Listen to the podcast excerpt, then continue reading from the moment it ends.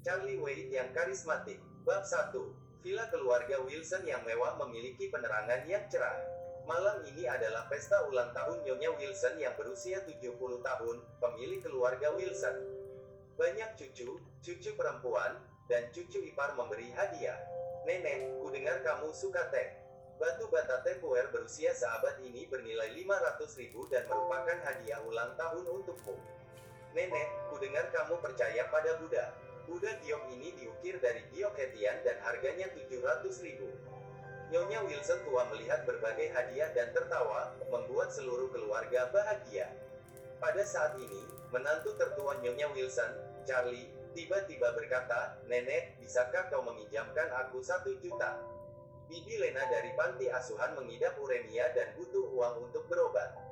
Seluruh keluarga Wilson kaget. Semua orang menatap Charlie dengan mata yang luar biasa. Menantu yang tinggal di sini terlalu berani, bukan?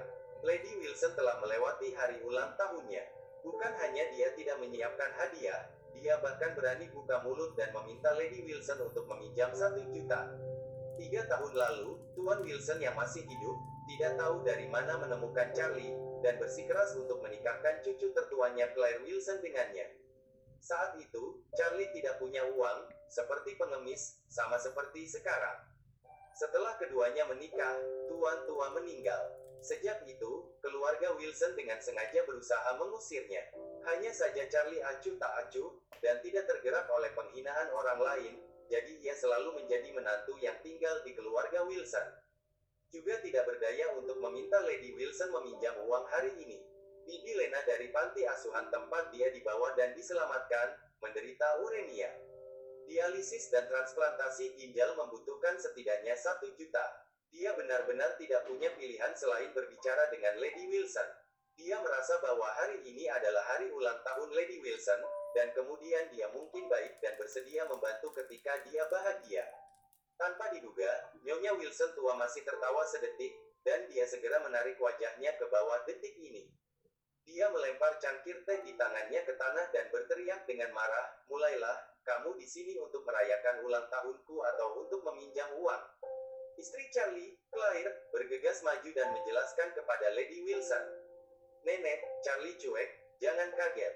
Dengan mengatakan itu, dia akan menarik Charlie ke samping.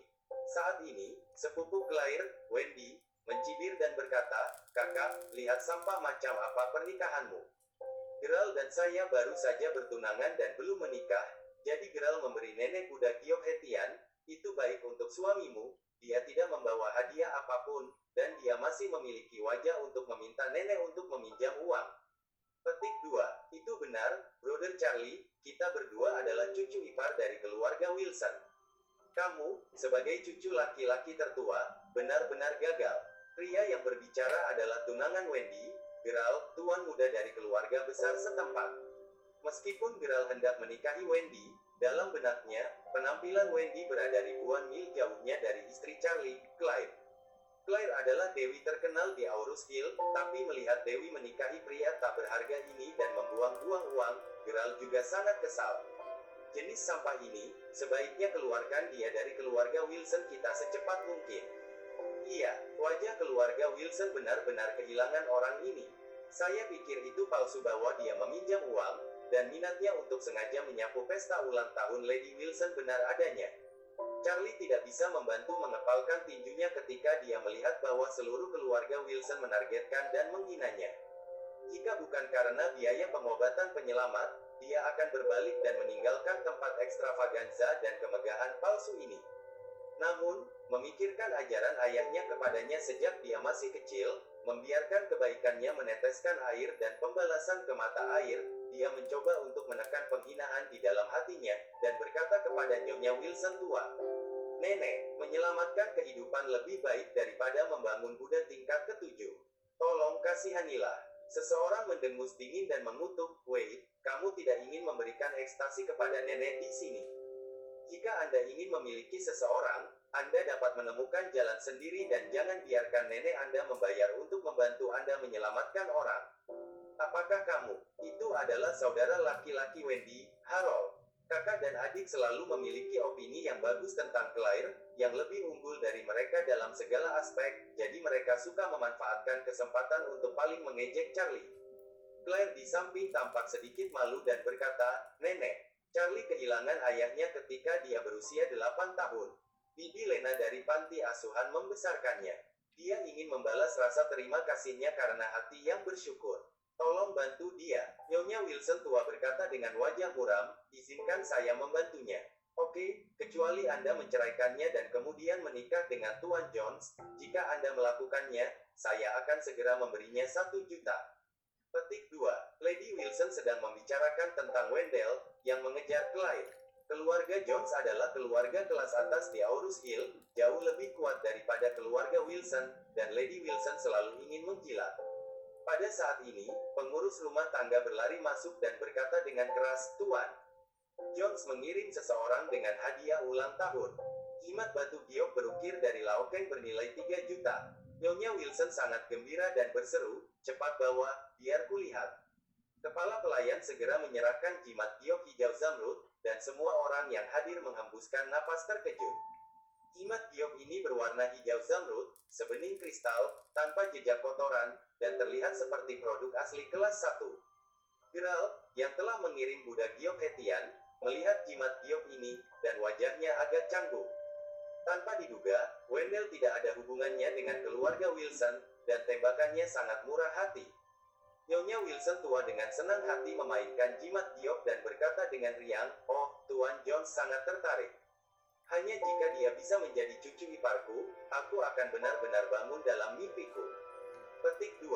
Setelah itu, dia melihat ke arah Claire, bagaimana dengan kondisiku, apakah kamu ingin mempertimbangkannya? Claire menggelengkan kepalanya, Nenek, aku tidak akan menceraikan Charlie. Ekspresi Nyonya Wilson langsung berubah menjadi kabut, dan dia dengan marah mengutuk, jangan berikan wajahmu padaku. Anda harus bergantung pada sampah ini.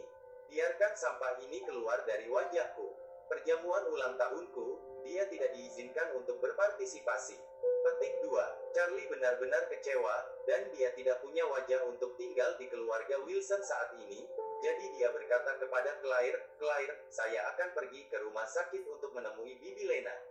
Claire buru-buru berkata, kalau begitu aku akan bersamamu. Nyonya Wilson tua mengutuk saat ini, jika kamu pergi juga, aku tidak akan menjadikanmu sebagai cucu perempuan di masa depan. Bawa orang tuamu dan ibumu, dan keluarlah dari rumah Wilson dengan sampah ini. Petik 2. Claire tampak terkejut, dan dia tidak menyangka Lady Wilson akan mengucapkan kata-kata kasar seperti itu. Charlie buru-buru berkata, tetaplah di sini, jangan khawatirkan aku. Dengan itu, sebelum Claire pulih, dia berbalik dan berjalan keluar. Harold tertawa di belakangnya, aduh ipar, kamu meninggalkan lapar dan tidak mau pergi ke jalan untuk mengemis untuk makan malam. Kalau begitu, wajah keluarga Wilson kita tidak akan membiarkanmu kehilangan semuanya. Saya masih memilikinya. Untuk koin, kamu bisa membeli roti kukus untuk dimakan. Petik 2. Harold berkata, mengambil koin dan melemparkannya ke kaki Charlie. Seluruh keluarga Wilson tertawa terbahak-bahak. Charlie mengertakkan gigi dan meninggalkan keluarga Wilson tanpa menoleh ke belakang. Ketika dia bergegas ke rumah sakit, Charlie segera pergi ke kantor pembayaran, ingin berkomunikasi dengan rumah sakit, dan memberitahu mereka bahwa biaya pengobatan akan ditunda selama dua hari lagi. Namun, ketika dia bertanya kepada perawat, dia tiba-tiba diberitahu bahwa Bibi Lena telah dikirim ke rumah sakit terbaik di Eastcliff semalam. Charlie terkejut, dan buru-buru bertanya padanya, berapa biayanya? Saya akan menemukan jalan. Pihak lainnya dia berkata, diperlukan total 3 juta. 1 juta telah dibayarkan, dan masih ada selisih 2 juta. Ini akan dibayar dalam seminggu. Petik 2. Siapa yang membayar 1 juta ini? Pihak lain menggelengkan kepalanya, saya juga tidak tahu. Charlie terkejut dan akan memikirkannya. Ketika dia menoleh, seorang pria berjas hitam dengan rambut abu-abu, sekitar 50 tahun, berdiri di belakangnya. Dengan mata saling berhadapan, pria itu membungkuk padanya dan berkata, Tuan muda, Anda telah menderita selama bertahun-tahun. Charlie mengerutkan kening, seolah temperamennya telah berubah, dan bertanya dengan dingin, apakah Anda Stephen Thompson? Pihak lain berkata dengan heran, Tuan, wait, kamu masih ingat aku? Ekspresi Charlie membeku, Dan dia bergumam, tentu saja aku ingat. Aku ingat kalian semua. Saat itu, Anda memaksa orang tua saya untuk membawa saya keluar dari Eastcliff dan melarikan diri sepenuhnya. Selama ini, orang tua saya meninggal secara tidak terduga. Saya juga telah menjadi yatim piatu, jadi mengapa Anda mencari saya sekarang? Stephen Thompson berkata dengan sangat menyakitkan, Tuan muda, ketika ayahmu meninggal, Tuan tua Wade juga sangat sedih. Dia telah mencarimu selama bertahun-tahun. Sekarang semuanya baik-baik saja, dia ingin kamu kembali padanya bersamaku. Charlie berkata dengan dingin, kamu boleh pergi, aku tidak akan pernah melihatnya seumur hidupku. Stephen Thompson berkata, Tuan muda, apakah Anda masih menyalahkan Tuan Wade? Tentu saja, Charlie mengucapkan kata demi kata, aku tidak akan pernah memaafkannya seumur hidupku. Hei, Stephen Thompson menghela napas dan berkata, sebelum saya datang, Tuan Wade berkata Anda tidak boleh memaafkannya. Itu artinya dia memiliki pengetahuan diri. Stephen Thompson berkata, Tuan Wade yang tua, tahu bahwa Anda telah menderita selama bertahun-tahun, dia ingin memberi Anda sedikit kompensasi. Jika Anda tidak ingin kembali, dia akan membeli perusahaan terbesar di Aurus Hill dan memberikannya kepada Anda. Selain itu, dia meminta saya untuk memberikan kartu ini kepada Anda. Kata sandinya adalah hari ulang tahunmu. Dengan itu, Stephen Thompson menyerahkan kartu premium Citibank. Pak, wait, hanya ada lima kartu di negara ini. Charlie menggelengkan kepalanya dan berkata, singkirkan, aku tidak menginginkannya. Stephen Thompson berkata, Tuan, wait, untuk penyelamat Anda, Anda masih memiliki kekurangan 2 juta dalam biaya pengobatan. Jika Anda gagal membayar, hidupnya mungkin dalam bahaya. Charlie mengerutkan kening, kamu sengaja memperbaikiku. Stephen Thompson buru-buru berkata, saya tidak berani. Jika Anda menerima kartu ini, itu akan cukup untuk membayar uangnya. Charlie bertanya, berapa banyak uang di kartu ini? Kartu ini untukmu sebagai sedikit uang saku,